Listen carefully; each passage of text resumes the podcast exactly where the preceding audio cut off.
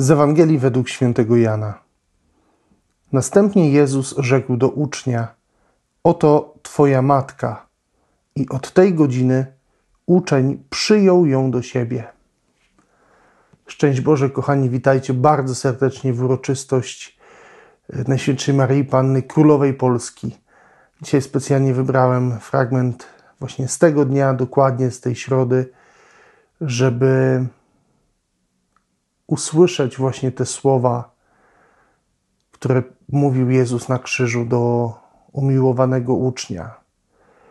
Niektórzy tłumaczą, że to jest święty Jan i pewnie tak było, ale święty Jan też pod natchnieniem Ducha Świętego nie ujawnił swojego imienia, dlatego że to słowo, to określenie umiłowany uczeń odnosi się zarówno do niego, jak i do każdego, kto chce być uczniem Jezusa, kto idzie za nim, kto wchodzi w uczniostwo, kto go naśladuje. I dzisiaj w tej Ewangelii Jezus ofiarowuje nam Maryję jako matkę. Matkę, która jest bardzo niezwykła, bo ona nigdy nie wskazuje na siebie, tylko na Jezusa. I tu nie chodzi o to, że teraz, e, żeby się tutaj teraz jakieś ruchy feministyczne odezwały, że że no tak, a gdzie Marii wola, a gdzie jej pomysł na życie, gdzie jej marzenia, ambicje i tak dalej, że ta sytuacja z e, Jezusem, że ją to zdeterminowało do tego, żeby właśnie swoje życie poświęciła Jezusowi, a nie, a nie realizacji siebie. Ale zobaczcie, że właśnie ona miała w tym e, bardzo dużo pokory, że tak naprawdę ona zrealizowała siebie. Że nam się wydaje, że w sytuacjach, kiedy musimy robić coś, co ktoś nam każe, to zaraz od razu jest właśnie takie rezygnowanie z siebie. A to jest nieprawda. Bóg, zobaczcie, daje nam tę przestrzeń e, do tego, żeby to wybrać. Maryja nie była do niczego przymuszona. Maryja miała e, wybór. I zobaczcie, że też my też mamy wybór w naszym życiu.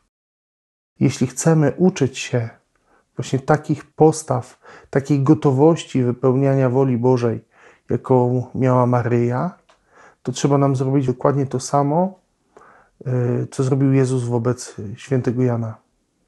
Przyjmij Maryję do siebie. Przyglądaj się temu, w jaki sposób ona budowała swoją relację z Jezusem, w jaki sposób ona wypełniała wolę Ojca i naśladuj ją w tym. Nie w tym sensie, że uczyń ją teraz e, swoim Bogiem, bo to nie o to chodzi, ale właśnie przyglądaj się jej sercu, jakie ona miała serce, że było tak pojemne, że mogło zmieścić tam Boga, Jego obecność, taką nawet fizyczną. Kochani, życzę Wam dobrego dnia, dobrego świętowania bo pewnie wielu z Was sobie jeszcze ten długi weekend przedłuży. E, ja od jutra siedzę na maturach, także bardzo Was też proszę o gorącą modlitwę za maturzystów, wszystkich maturzystów, a szczególnie moich, bo potrzebują oni bardzo mocno modlitwy.